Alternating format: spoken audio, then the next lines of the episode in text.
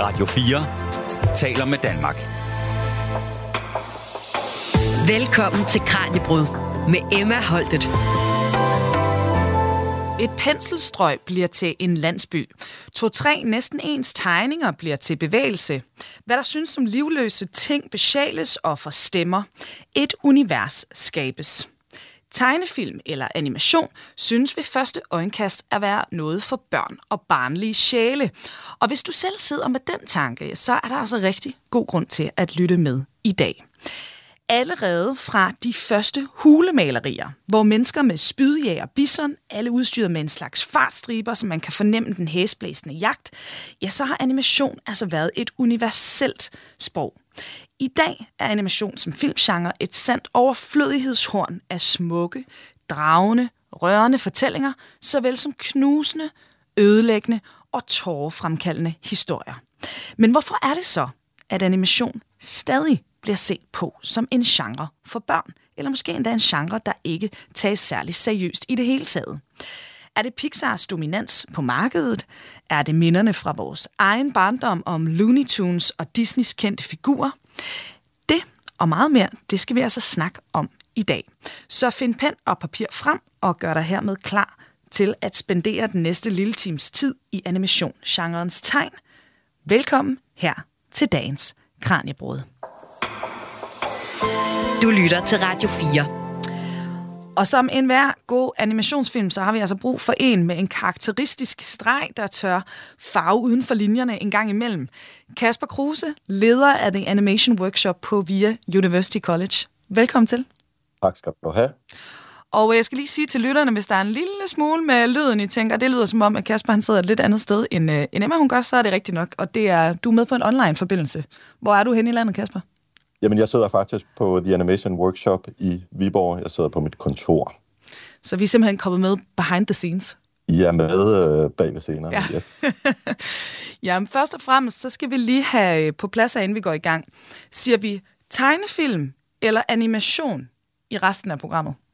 Vi siger jo animation, fordi vi skal snakke om mere end bare den teknik, øh, der handler om øh, todimensionelle tegninger. Og vi skal forsøge at spore os ind på, hvor når animation som filmgenre sådan først bliver til. Hvor er vi henne tidsmæssigt her? Jamen, der er vi øh, sådan i, øh, i midten af 1800-tallet, og måske er det lidt for meget at sige, at det fødes som genre på det tidspunkt, men altså, der bliver jo eksperimenteret med, med, med det, der så udvikler sig til, øh, til mediet fra omkring 1830, og det er Øh, der, der er nogle opfindelser, som jeg tror, de fleste måske øh, kender, altså sotroper. Øh, de havde alle mulige fantastiske navne, finakistoskoper og øh, praxinoskoper. Øh, og det er måske noget, der kan sammenlignes lidt med GIF-animationer i dag, fordi det var jo små øh, loops, altså som var øh, sad på en cylinder eller en skive, der så blev sat i bevægelse, og så kom der de her små animerede loops. Øh, men hvis man sådan skal frem til øh, den første øh, offentlige forvisning, der er vi i slutningen af 1800-tallet i 1892 i Paris. Øh, der er der øh, en fyr, der hedder Charles Emile Renault, som viser tre øh, små korte film. Øh, og hvis man er interesseret, så kan man faktisk søge dem frem på YouTube, eller i hvert fald øh, den ene af dem, Pauvre Pierrot. Øh, det er okay. meget spændende at se der. Ja. De ligger simpelthen ude i, øh, i internettets store arkiv stadigvæk.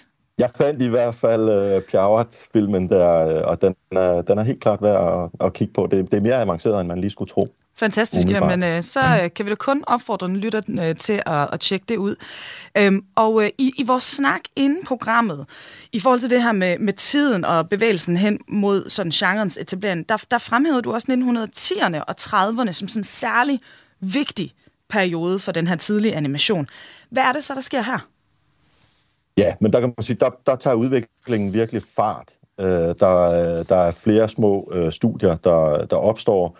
Uh, jeg har kigget især imod USA. Det er jo primært i USA og i Frankrig, uh, at, at de her eksperimenter sker. Og jeg tænker, der er en helt naturlig forklaring på det. Øh, altså, øh, biograferne begynder jo at opstå. Øh, man oplever små øh, kortfilm eller reklamer, der blander sig i øh, om, om, øh, newsreels og de egentlige forestillinger.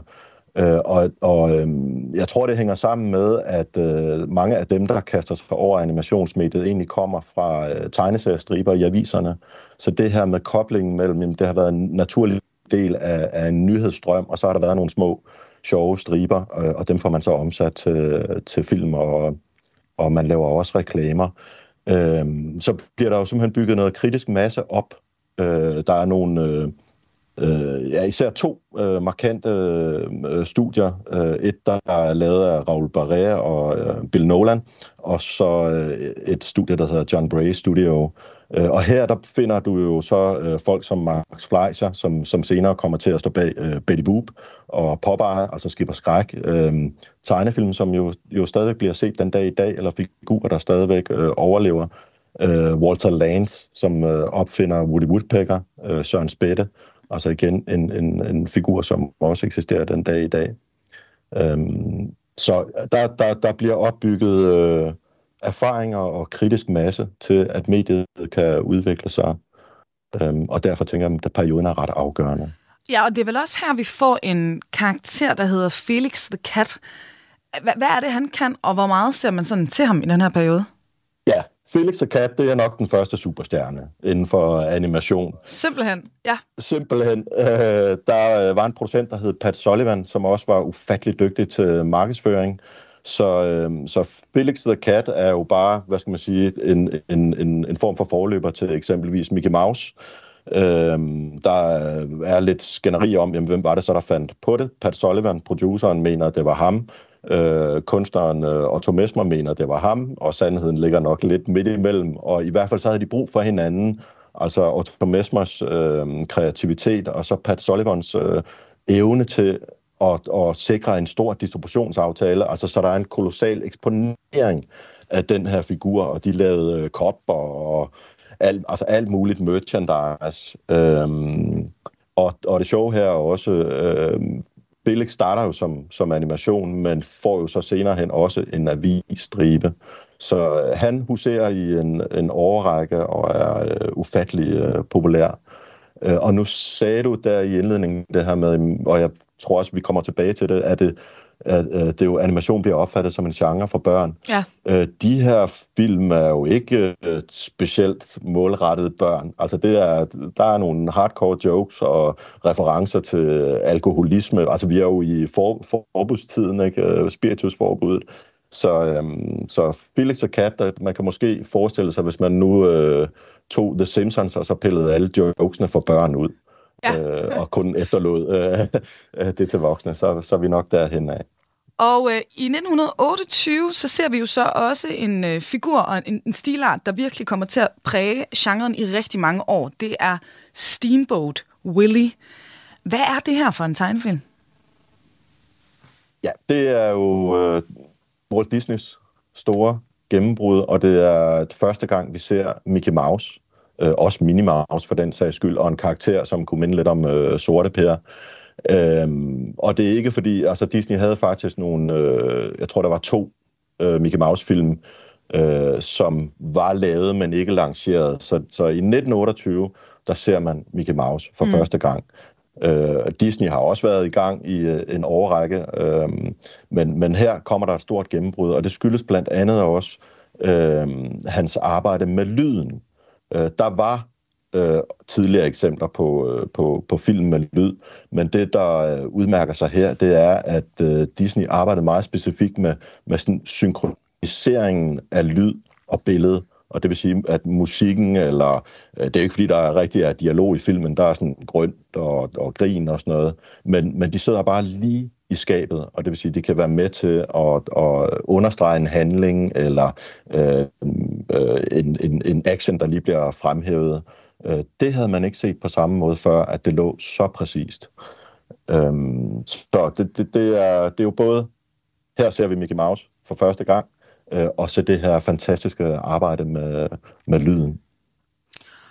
Og i forhold til det her med, med lyden, der er der selvfølgelig også en anden film, som, øh, som vi kan love, vi tager fat i. Fordi i 1937, der sker der altså for alvor noget, fordi her tordner Snevide simpelthen frem ikke på det store lærred. Og ikke nok med det, der er lyd på, som vi er inde på her. Ikke? Det er altså blevet en ting, man kan nu.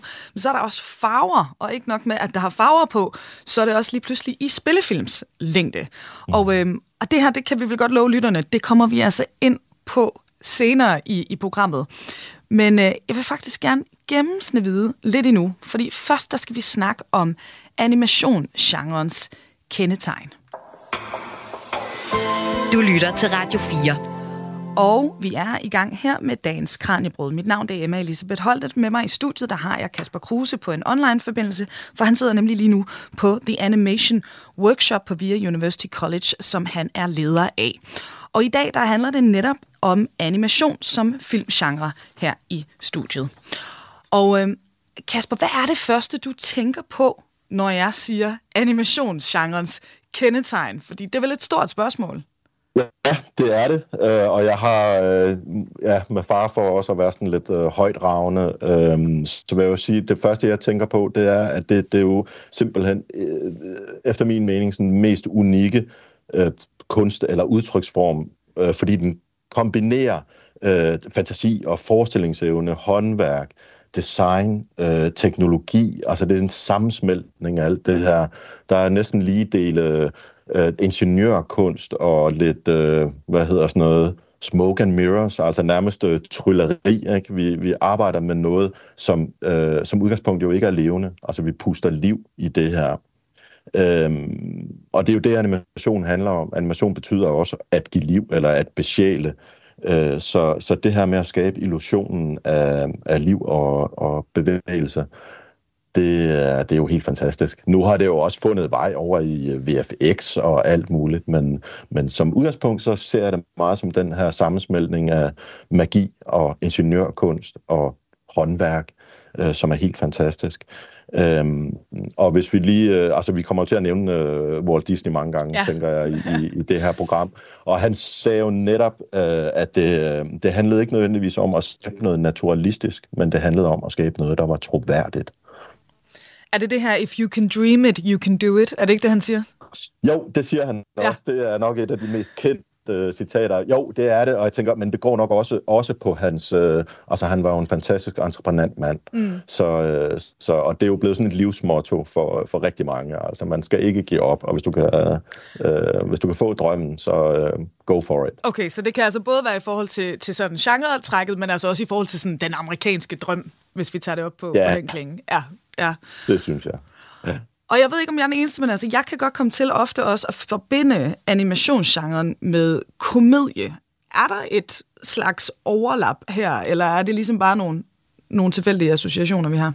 Nej, jeg tror, der, der er rigtig mange, der har den øh, samme opfattelse, som, som du har. Øh, og der er også helt klart en overvægt af indhold, som er baseret på humor og gags.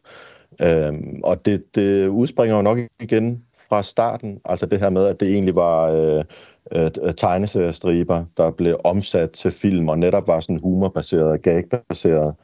Øhm, så tror jeg også, at det er øhm, en afspejling af, at der er meget af indholdet, som er for børn. Mm. Øh, og det er jo bare et fantastisk virkemiddel, øh, når man skal fortælle historier øh, til børn og have, have humoren med. Øh, men jeg synes også, at øh, der er masser af eksempler på, øh, at øh, animation er mere en, øh, en forlængelse af komediegenren, eller noget, der bare lægger sig i, øh, i, i komediegenren. Øh, jeg kunne nævne en film som øh, den japanske Perfect Blue, som øh, bliver sammenlignet med Alfred Hitchcock-filmer, som er sådan udpræget sådan thriller-agtig, psykologisk øh, thriller-agtig. Øh, Richard Linklater, som, øh, som nogen måske kender fra hans debutfilm Slacker, har eksperimenteret meget med det. Han har lavet en film, der hedder Waking Life, og øh, af Scanner Darkly. Altså, så der er øh, masser af indhold til, øh, til, til voksne, eller til, som også er mere sådan seriøst. Øh, der er en fantastisk serie på Netflix, øh, som hedder Arcane, øh, som bygger på øh, League of Legends øh, computerspillet, som også, altså, det er helt fantastisk, men, øh, men, men jeg tror som udgangspunkt, så vil der være mange, der har samme opfattelse, som, øh, som du har med, at øh, jamen, det er sådan komediepræget. Ja. Hænger det ikke også en lille smule sammen med øh, altså satiren og også bladtegner og så videre? Altså, der er vel også noget sikkerhed i at få lov til at gøre grin med nogle magthavere igennem en tegnet streg, i stedet for at stå og pege på dem direkte, ikke? Jo, jo, 100 procent. Og jeg vil også sige, der er der også, øh, nu har jeg også selv, øh, jeg er ikke voldsomt øh, dygtig til at animere, men jeg har baggrund inden for animation og kan øh, animere, øh, og det er også skide sjovt at lave noget, der er sjovt. Mm. Og tegne noget, der er sjovt. Og, og arbejde med gags og timing og, øh, og det hele. Øh, men altså kigger man, øh, kigger man på kortfilmsformatet, så er der ufattelig mange sådan eksperimenterende, meget kunstneriske øh, kortfilm, og det kan der også være en meget stor glæde, øh, og det er måske lidt mere henvendt til et nichepublikum, øh, men det er derude. Øh, der er masser af det, hvis man øh, leder efter det. Så altså, det er bare en genre, der faktisk kan det hele, netop fordi der ikke er nogen fysiske love og så videre, den skal, skal arbejde indenfor, ikke? If you can dream it, you can do it. ja, ja præcis. alt er muligt. Ja. ja. Og, øhm, og altså, i forhold til andre genrer, så, så får animationsgenren jo ikke noget lyd foræret. Altså, det er jo noget, der skal skabes øh, helt fra, fra bunden, det her, ikke? Øhm, og øh, alle øh, genre har vel mere eller mindre scener, hvor man så laver lyden efterfølgende, men animation har jo altså som udgangspunkt simpelthen intet. Det skal man bare altid gøre, ikke? Så hvad kendetegner egentlig lyden i netop animationsgenren? Ja, det er rigtigt. Den er, den er født lydløs, øh, modsat realfilm, hvor du vil kunne have trækket noget lyd med ind fra mm. optagelserne. Øh, så, så det kræver en øh, meget dygtig og fantasifuld lyddesigner og, og arbejde med det. Øhm, nu tænker du måske også igen på sådan en klassisk øh, tegnefilmslyd, øh, altså fra Looney Tunes som ja. Mary Melody, så alt det her fra, øh, fra man ser i der tegnefilm om lørdagen med boing og twang ja, og, og, og, og et øh, music score, der også nogle gange bliver brugt mere som, som, som, som lydeffekter, altså det kan være en koklokke, eller et bækkenslag, eller et trut i øh, en trompet, eller nogle stryger, ikke? Øhm, men, øh, men altså, øh, tilgangen, hvis man kigger på spillefilm, vil egentlig som udgangspunkt også være meget ligesom med realfilmen. Altså, du går ind og skaber øh, stemning og, og, og hele sådan universet øh, fra bunden. Og, og nu nævnte jeg VFX og et slægtskab mm. med, hvordan animation flyder over der, og man kan sige, det, det, grænserne bliver mere og mere blurry, og jeg tror meget bliver også mere og mere øh, kunstigt.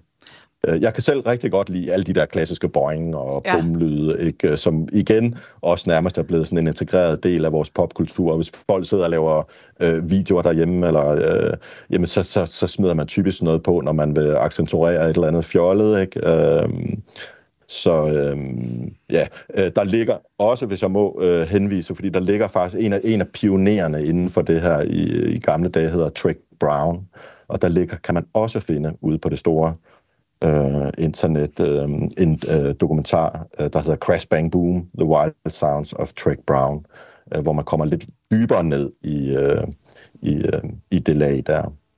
Fedt. Jamen altså, dejligt, der er så meget for lytterne, der kan nørdes videre i, når vi er, er færdige med programmet. Øhm, I forhold til musikken, altså nu var du lige lidt inde på det, men hvad er der så særligt i forhold til genren her?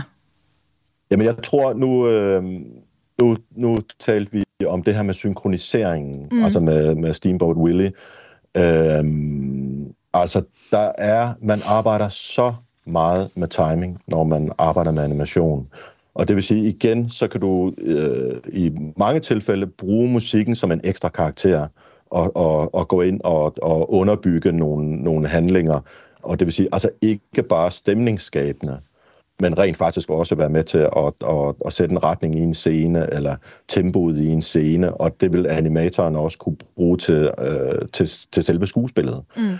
Øhm, så der er, altså, der er nogle ekstra lag i forhold til, hvis man arbejder med, med lyd til realfilm, hvor at der kan du jo så omvendt måske mere efterfølgende som komponist tilpasse dit score til, hvad du nu ser på optagelserne. Der kan den lige så godt vende om, når du arbejder med animation. Altså at animatoren har brug for at, at få øh, taktslagene eller, eller rytmen fra musikken eller nogle bestemte øh, øh, punkter i et musikstykke, og så animere ud fra det. Og et begreb, vi også lige skal tage fat i, der er et fænomen, der hedder Mickey Mousing. Det er jo tydeligvis ja. opkaldt efter Mickey, men hvad er det? Jamen, det, og det kommer jo netop fra Steamboat Willie, og det er det, det her arbejde med at, at synkronisere så tæt, øh, at, øh, at, øh, at bevægelserne nærmest er, øh, bliver et instrument i symfonien, eller symfonien bliver en karakter i, øh, i, øh, i, i filmen. Øh, og det, og det, er, det er helt seriøst, det, er, det stammer simpelthen fra Steamboat Willie. Ja, okay. det, det er derfra, at man snakker, når man snakker den her meget intense synkronisering, så, øh, så bliver det kaldt Mickey Mousing. Fantastisk. Så har den film altså virkelig også slået nogle, øh, nogle takter an, må man sige, ikke? Jo. Og netop det her med, nu er vi jo inde på Steamboat Willie, altså fordi Disney er øh, vel i sig selv, altså dem, der har ligesom været med til at lave de her kendetegn, som du siger, for animation. Deres stil er jo en, vi alle sammen kan genkende. Hvad, hvad er det ved deres streg og den måde, de gør tingene på, der, der gør dem så sådan markante, når vi ser dem? Jeg tror, altså der er flere elementer, fordi man kan sige, at øh, Disney var, Walt Disney var ekstremt innovativ. Så der er dels så er der nogle tekniske ting. Så han øh, ikke bare var han meget hurtig ude der med lyden og fik raffineret også, hvordan man kunne synkronisere den. Øh, han var tidlig ude med, med nogle af de mest raffinerede farvefilmsteknikker.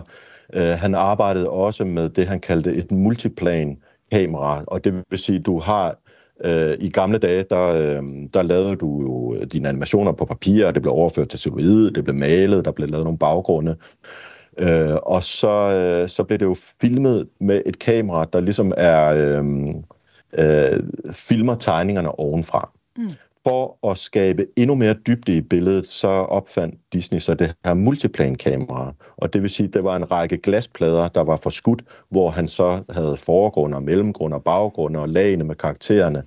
Øh, så jeg tror, at noget af det, som... Og det kan godt være, at det er sådan meget øh, subtilt, og den almindelige... Øh, øh, det almindelige publikum eller beskuer ikke lægger mærke til det. Men, men det er jo for eksempel noget af det, der kan være med til at skabe mere dybde i et billede, og altså påvirke sådan helt subtilt, hvordan du, du egentlig oplever øh, filmen og, og scenerne. Øh, så havde de ekstremt meget fokus på historier. Øh, og her der snakker vi altså faktisk også i deres øh, arbejdsmetode, mm. altså når de udviklede deres film, og den måde, de øh, pitchede øh, idéer til hinanden på, og øh, øh, Jamen faktisk gennemsyrede det sådan hele organisationen, og, og Disney er sådan berømt for også at bruge storytelling, når han skulle arbejde altså strategisk med medarbejdere. Øhm, så det her øhm, kerne-kerne-element øhm, i, i historiefortællingen og teknologi, øhm, det, det, det, efter min mening er det noget, som, som gennemsyrer øhm, Disney, og så kan du jo, altså fordi han arbejder jo i forskellige tegnestile mm. og alt muligt, så jeg synes ikke, der på den måde er sådan et designmæssigt, stilistisk træk, øh, som jeg vil fremhæve. Det, det, det er jo faktisk mere nogle ting omkring det, og, og nogle arbejdsmetoder, øh, som, som er med til at give det noget karakteristisk.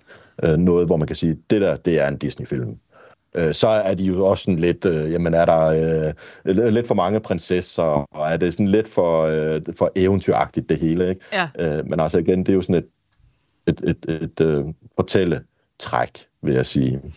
Så altså, ud over det her fokus på historien, det lyder også som om, de simpelthen er sådan en teknologisk muskel. Helt vildt. Ja. Altså, og det er jo igen det der med, altså det er, vi er, øh, animationsbranchen er bare tæt ved sammen med teknologisk udvikling. Mm. Øh, og der, har, øh, der, er det, der, der er det bare stensikkert, at der har han været en af, af de førende. Ja. Og Walt Disney, han samler i starten øh, et hold af animatorer, der udvikler 12 principper simpelthen for, for animation. Nu er vi selvfølgelig inde på, på noget af dem, og vi behøver jo ikke gennemgå dem, dem alle sammen, men hvad er sådan de vigtigste af de her principper, de så arbejder med? Det er rigtigt. Det er 12 principper, og det er igen lidt tilbage til det her med, at øh, det skal ikke nødvendigvis være naturalistisk. Mm. Altså, det skal være troværdigt. Så der er dels noget, der omhandler sådan, øh, nogle former for fysiske love, men der er også noget, som har mere karakter af sådan kompositorisk. Øh, altså, hvordan man, øh, hvordan man stager en, en, en scene, altså hvor har man placeret tingene, og, øh, og jeg synes, hvis jeg lige skulle fremhæve et princip, og det er, øh, det er simpelthen også, fordi det er et af dem, man starter med, øh, når man skal lære at animere, men det er det, der hedder squash and stretch, Øhm, og det vil sige, ja, altså det er jo noget med at mase sammen og strække. Øh, så det er jo, hvordan man arbejder med sådan volumen og skaber noget dynamik og noget vægt. Øh, og der er simpelthen sådan en, øh, jeg tror, det er øvelse nummer et i, i bogen, når du skal lære at animere, der hedder bouncing ball. Øh, og der bruger man i høj grad det her squash and stretch øh.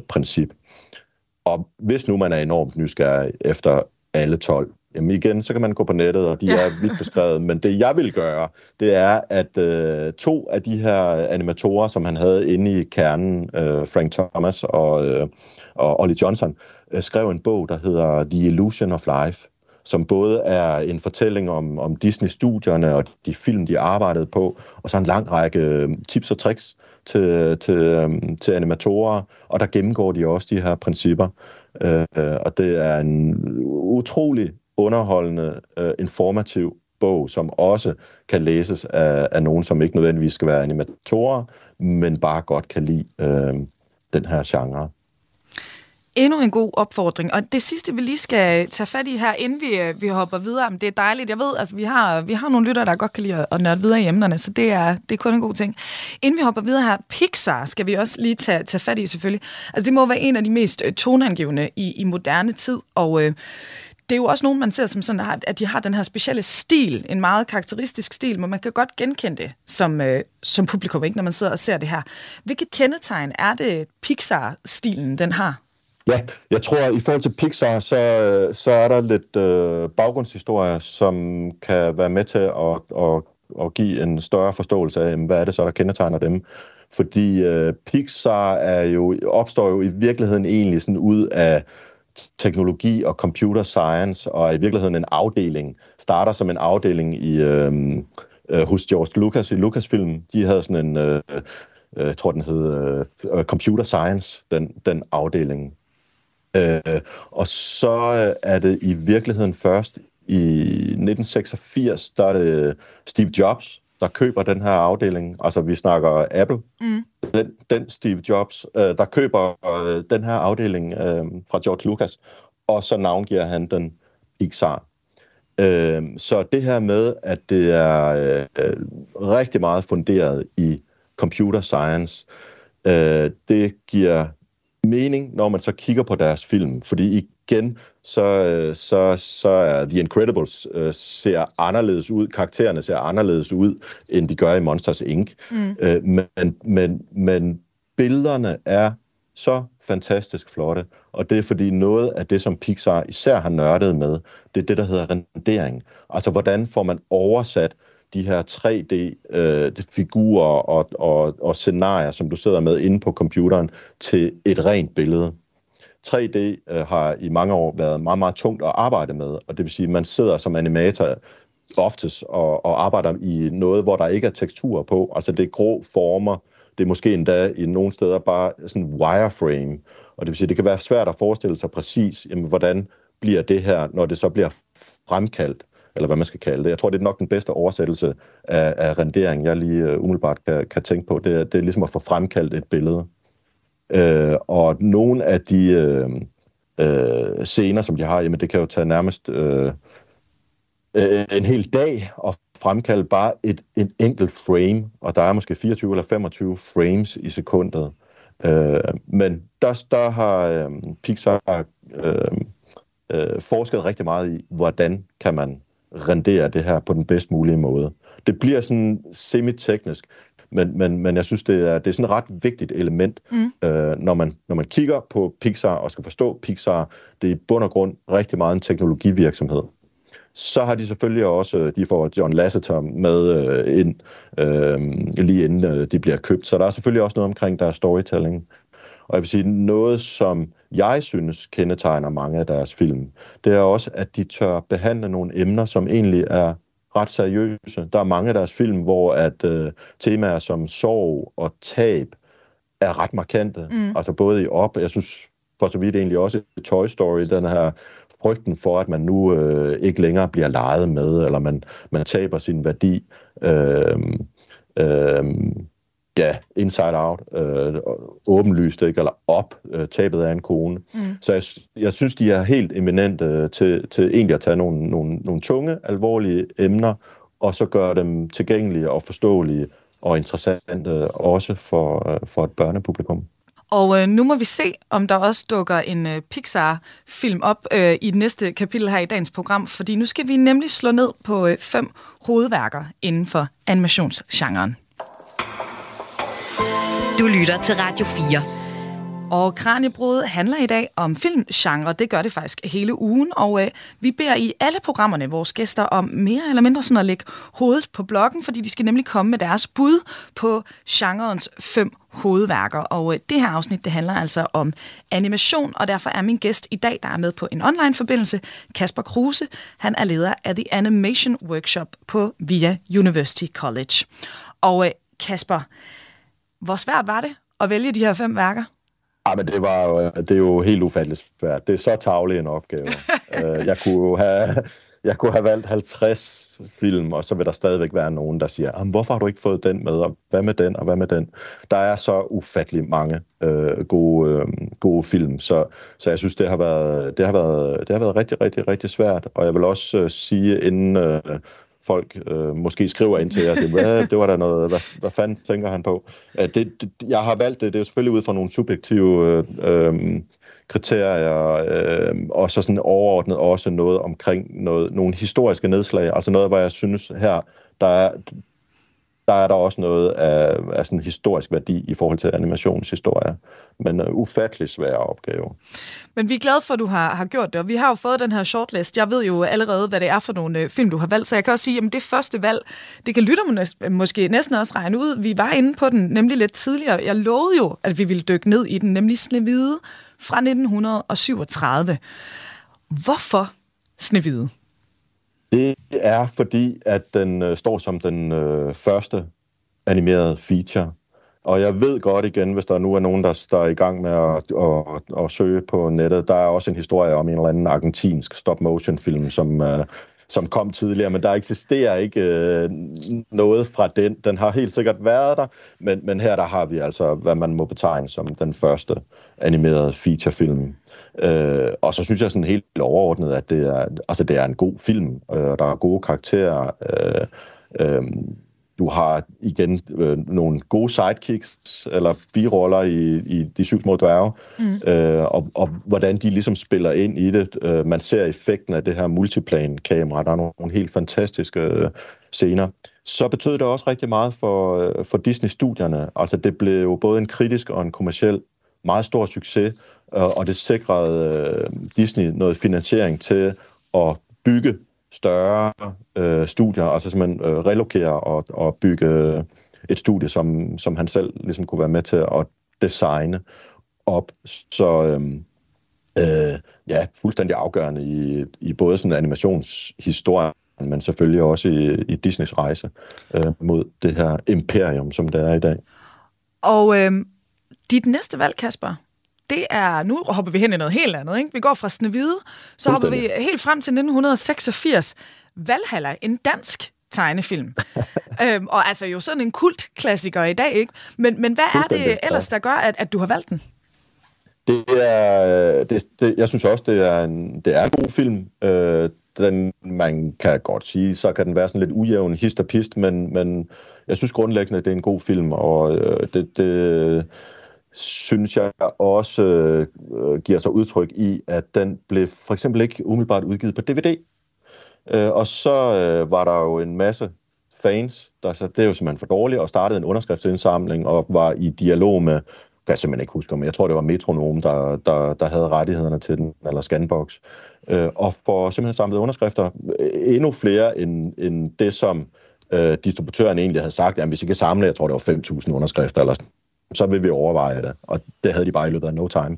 Så, så det er jo det her, når du siger, at det er en kult, det er en kult øh, film. Jamen, alene det der, det synes jeg er med til at understrege det. Så har den en ret markant øh, position i dansk animation, fordi inden Valhalla, der var det egentlig ret begrænset, hvad der var af animation i, øh, i Danmark. Der var selvfølgelig øh, øh, The Grand Old Man, Janne Kastrup, var i fuld gang med, med Cirkeline og Snuden og Hammer Flemming Kvist øh, havde, havde gang i en masse spændende ting. Øh, der var øh, nogen, der hed øh, Tegnedrengene, som, øh, som også lavede lidt, men, men øh, når man sådan kigger tilbage på det, så var det en meget lille bitte industri. Og øh, ud af Valhalla, der opstår der jo så øh, eksempelvis det, der bliver til A-film, altså nogle af dem, der var med på filmen, der er Carsten Kilderik og Stefan Fjellmark og Jørgen Lerdam. Øh, så her, lidt ligesom der i, i øh, New York i, mm i, i 10'erne og op til øh, omkring 1930, altså der er noget talentmasse, der bliver bygget op. Øhm, så er den også historisk, fordi jeg tror, det er den danske film, der har overskrevet budgettet allermest. øh, og der, der, er nogle, øh, der er nogle historier om, altså der var jo nærmest lige ved at blive lagt ned, fordi pengene løb ud. Øh, og så kom der en, øh, en ny investor ind, og der kører også alle mulige historier om de her penge, han kom ind med. Hvor, hvor kom de egentlig fra?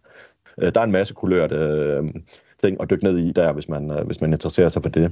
Øh, det kan også øh, nævnes, at øh, altså Jakob Stikkelmann var inde over også. Ja, øh, som producer, og ja. Lige præcis. Ja øh, Jakob Stikkelmann, som er mange øh, danske, der arbejder i, øh, i animationsbranchen, siger, men det er jo Jakob Stikkelmann, der har øh, i gang sat den her interesse for mig. Og jamen, han er jo han er, han er en legende øh, i vores verden, og kan virkelig tilskrives øh, meget i forhold til at skabe interesse om vores medier.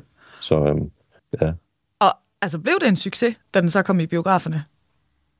det gjorde det. Uh, nu kan jeg ikke lige huske, hvor mange øh, der var inde og se det, men, men, uh, men det var det. Jeg mener, det var sådan en 200-300.000. Uh, men det, det, det, jeg er ikke 100% sikker, men det blev en succes, ja. Der var nok nogen, der var lettet op, når nu den så havde været så, så dyr at lave, ikke? At, uh... Ja, jeg ved ikke, om det spillede sig hjem, Nej. men man kan sige, i hvert fald når man er over de 200.000 billetter i biografen, eller ligger der omkring, så vil det blive betegnet som en, i hvert fald som en publikumssucces. så kan det selvfølgelig godt være, at den ikke helt spiller sig hjem på, på økonomisiden også. Men, uh...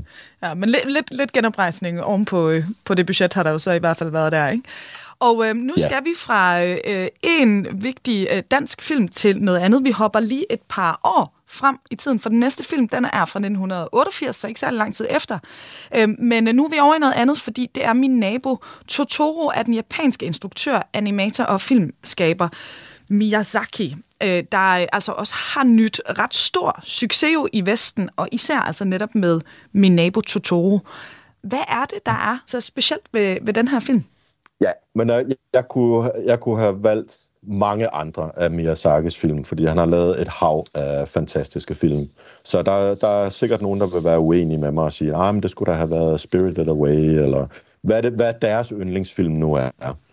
Øh, jeg synes, øh, Totoro er god, fordi den øh, formår ligesom at blande noget, som jeg næsten vil betegne som værende socialrealisme. Altså det er, øh, det er en familie, der skal flytte ud mm. på landet, øh, og det er også yderligere besværligt gjort af, at øh, moren øh, ligger på hospitalet, og man er sådan lidt i tvivl om, altså er hun sådan livs lidt syg, og det bliver sådan antydet lidt.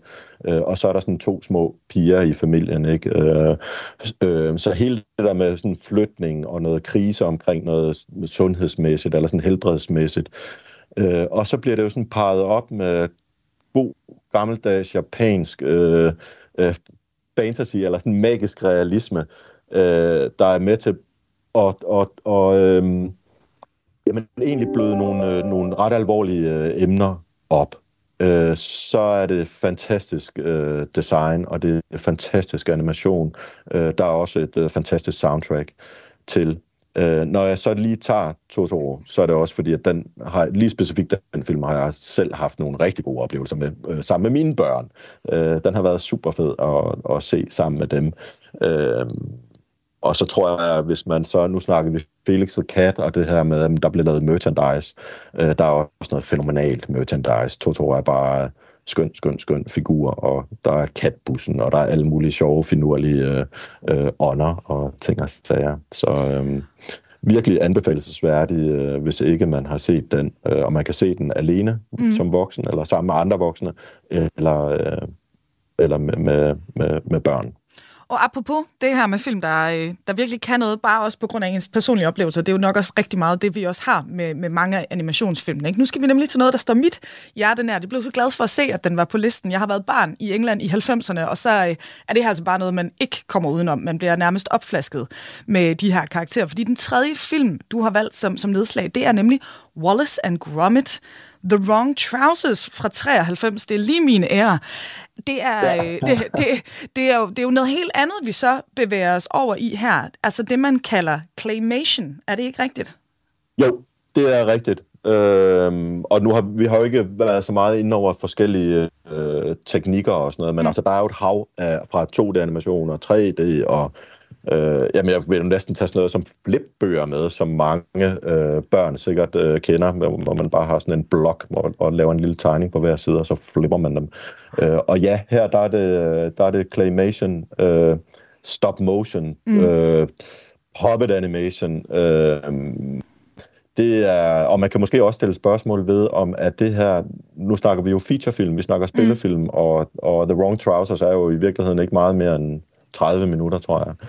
Øh, men, øh, men ligesom jeg, der skulle noget med fra Japan, og man kunne have valgt mange Miyazaki-film eller mange andre japanske film. Der skulle også noget stop-motion med på den her liste. Mm.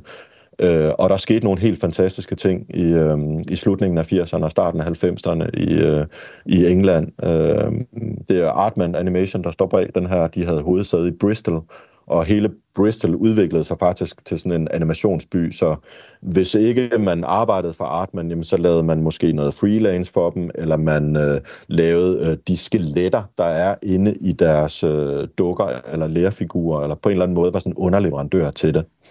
Uh, The Wrong Trousers, det er jo, øh, det er jo faktisk film nummer to øh, hos Wallace and Gromit. Øh, og her der er der igen, øh, nu har jeg nævnt flere gange det her med, at jeg ser også animation meget sådan beslægtet med uh, ingeniørkunst. Uh, og Altså, der er bare nogle øh, tekniske ting ved den her film, udover at det bare er en skidegod film, og den er, øh, den er sjov, og den er spændende, og den er skør, øh, så er der nogle tekniske ting, som er outstanding. Altså Artman løftede virkelig øh, baren for, hvad man kunne med, med stop motion. Øh, og der er især, øh, der er sådan en fem minutters lang sådan chase-scene, til, uden jeg, sådan, jeg håber ikke, jeg spoiler noget her. øh, jeg håber bare, jeg, jeg øh, hvad hedder det, gør folk nysgerrige for, efter at se filmen, hvis ikke jeg har set den. En fuldstændig fantastisk chase-scene øh, til sidste filmen, hvor øh, Wallace øh, Gromit øh, jagter øh, skurken, eller er på vej væk fra skurken. Ja. Øhm, helt fantastisk, og jeg til den dag i dag, jeg kan simpelthen ikke forstå, hvordan de har kunne lave det. Øh, der er så meget smæk på, og igen, så skal man også tænke på, at man er inde lave en lille øh, bevægelse, tage et billede, flytte det en lille smule, lave en lille bevægelse, tage et billede. Øh, det er svært at forstå, når man ser øh, den fart, der er på den scene til, til sidst i filmen. Ja, og det kan være, at vi skal lave et helt uh, program i fremtiden om Wallace and Gromit. Dem kunne jeg godt nørde ned i, i ja. 50 minutter, men, uh, men tiden går hurtigt, så vi skal jo videre. Og den sidste film, ja. du har valgt, Kasper, det er, altså nu kommer vi jo til den, Toy Story fra 1995. Det er vel ret naturligt, at Toy Story, den er med. Pixars første film, ikke? Altså, og som altså vel også på den her måde, som vi har været inde på, har sat tonen for Pixar-universet, ikke? Jo, lige præcis. Og altså, første 3D øh, computeranimerede film, så ligesom jeg havde øh, Snevide i starten, øh, som den første animerede øh, feature, Øh, der er vi jo så bare i det her 2D klassisk tegnet øh, animation, jamen så er det også naturligt at, at slutte af med, med Toy Story og en ny æra ind i øh, computeranimation. Øh, det er også en skidegod film, og det er en god fortælling, der tager nogle, nogle gode temaer op. Øh, og så... Øh, Ja, så som du siger, altså så er det jo ligesom det, der, der, der får Pixar rigtigt øh, i gang. Øhm, og er det rimeligt at sige, ja. hvis vi skal konkludere på de her fem film for Pixar, har vi jo netop også været inde på før, altså det her med den der teknologiske muskel på en eller anden måde, altså de har vel alle sammen et eller andet, der gør, at nu sætter de en ny præcedens for kvaliteten?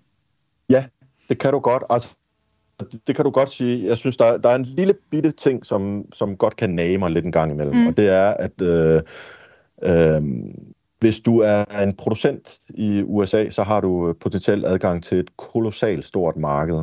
Øh, sådan en Pixar-film i dag koster i omegn uh, omkring 1 milliard danske kroner. Uh, altså, de, de arbejder med nogle budgetter, der gør, at uh, man kan også godt tillade sig at have høje forventninger til, hvad er det, de kan komme op med, både fortællemæssigt, øh, designmæssigt, teknologisk. Uh, de indspiller jo så for cirka 7 milliarder. Altså, så det er også en skide god forretning. Men, men der, det, og det kan jeg godt blive sådan lidt misundelig på en gang imellem, når øh, man sidder her i Danmark eller i Europa, hvor at, øh, øh, det, går, det går vildt for sig, hvis man kan få finansieret en film til, til 100 millioner, ikke? Altså en, en, en, en, ja, en brøkdel af, hvad, der er for nogle budgetter, som, som, som de arbejder på. Så det kan jeg simpelthen ikke lade være med. Det har, jeg har da altid lige det i baghovedet, når jeg, øh, når jeg ser deres film, at øh, de er skide gode, men øh, hold kæft, hvor har de også haft mange penge til at lave dem. Øh, ja. Jamen, og apropos det, altså vi nærmer os de sidste minutter her i dagens program. Hvis vi nu lige skal tage genren, og hvor den befinder sig henne i dag, er det det her, der sådan ligesom karakteriserer markedet, eller hvordan ser det ud for animationsgenren her og nu? Ja, det kan jo så lyde mærkeligt, når jeg nu lige har siddet og klynket over de små budgetter, vi arbejder med, men, men, øh, men jeg, jeg, jeg synes, branchen øh, har det rigtig godt. Altså, det er jo øh, heller ikke øh, længe siden, at DR øh, lancerede deres største satsning nogensinde på animation, hvor de skiftede Disney-show ud med fredagstamtam. Så, øh, og, og de har jo en ambition om at starte øh, jamen, op mod 10 nye IP'er, altså 10 nye øh, universer. Øh, vi har set øh, Carlas fantastiske klasse øh, og, og Mesterlige Monsterbørn, som er, som er dansk udviklet. Øh, men, men den satsning er med til virkelig at, at, at give noget grøde i den danske animationsbranche. Øh, så synes jeg også, nu er det jo ikke forfærdeligt længe siden, at øh, øh hvad hedder det, Jonas Bo Rasmussen øh, fik øh, tre Oscar-nomineringer, fuldstændig historisk. Bedste internationale spillefilm, øh, bedste animeret feature og bedste dokumentar. Øh, han endte godt nok ikke med at, at, at få en Oscar med hjem, men øh, det skabte så meget opmærksomhed, og, og jeg tænker også igen, nu har vi også kredset lidt om det her med, er det for børn, er det, er det for voksne? Øh, han får jo virkelig vist der, at øh, hvor, hvor versatil, hvor meget animation egentlig øh, kan. Mm. Øhm, jeg kunne godt tænke mig, at, øh, at der sådan øh, fra politisk side blev øh, sat lidt mere fokus på, at der bliver produceret meget, meget få øh, danske animationsspillefilm, og det er jo fordi, de bliver jo finansieret blandt andet gennem det Danske Filminstitut, og der er noget med nogle politiske filmaftaler og ting og sager, der skal på plads der.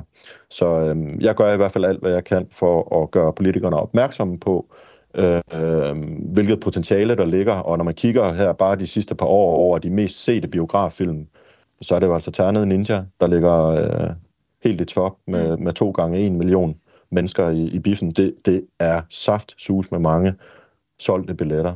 To gange en million, altså en million, godt og vel en million øh, solgte billetter per film. Det er jo helt vildt. Øh, så det er da også en vink med en vognstang om, at der, altså, der er et publikum derude, og, og Ternet Ninja er jo ikke det er jo ikke udelukkende en børnefilm, eller det er jo i hvert fald ikke noget, der henvender sig til øh, 5-6-årige. Øh, øh, altså, der, der, der er vi sådan lige lidt højere oppe, ikke? Og altså nu har vi jo nok slået en, en stor fed streg under i forhold til den snak, vi har haft i dag. Nej, det er ikke kun for børn. Det her det er ikke en fjollet genre. Altså det her, det kan sagtens være alvorligt, det kan sagtens være for voksne, den kan virkelig fagne alt, ikke? Altså det er det her mulighedsrum, der bare er, er uendeligt. Er der nogle tendenser i forhold til, hvor genren sådan er på vej hen de næste år, eller hvad der bliver ligesom det nye? Det bliver spændende at se. Jeg vil sige, det der er meget øh, sådan top of mind lige nu hos os, det er øh, kunstig intelligens, der bulrer ud af. Mm. Altså, hvad er det for en impact, det kommer til at, at, at få for os?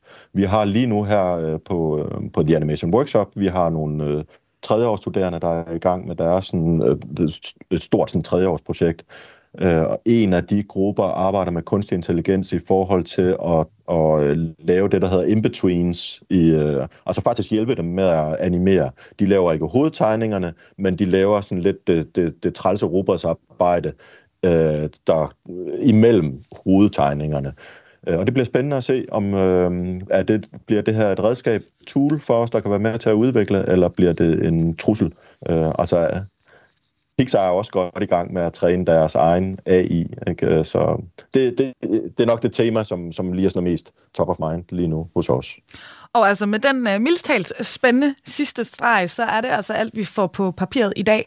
Kasper Kruse, leder af The Animation Workshop på VIA University College. Tusind tak, fordi du var med. Tak for at invitere mig ind i uh, studiet. Det er jeg meget glad for. Tak vi hiver dig nok med en, øh, en anden gang. Det kan, det kan vi prøve på i hvert fald, så må vi se, om vi kan, vi kan lokke dig med igen vi skal jo have lavet vores Wallace and Gromit uh, ja, skal tema, vi jo. tema, tema. Ja. ja. Jamen, det er godt, det her, med, øh, det her med en aftale. Og til dig, der lytter med, husk, vi sender Kranjebrud alle hverdage her på Radio 4. Så hvis du har en idé til et emne eller et spørgsmål, som du gerne vil have eksperternes svar eller forklaring på, ja, så skriver du bare ind til os, og det er som altid på kranjebrud radio4.dk. Nu er der ikke andet tilbage end at sige farvel. Mit navn er Emma Elisabeth Holtet. Kranjebrud er produceret af Videnslyd for Radio 4, og hæng på derude, for nu er det blevet tid til nyhederne. Musik er en hurtig genvej til at komme ind bag facaden. Hvis man skal sige essensen af, hvem er jeg, så er det de samme. Ind bag den offentlige person. De synger også irriterende godt. I Portrætalbum bruger Anders Bøtter musikken til at vise nye sider af sine gæster. Gita Nørby, Tim Christen, Sofie Gråbøl, Anders Akker, Allan Olsen. Både dem, du er fan af, og dem, du ikke troede, du havde noget til fælles med. Velkommen til Portrætalbum. Lyt til Portrætalbum i Radio 4's app, eller der, hvor du lytter til podcast.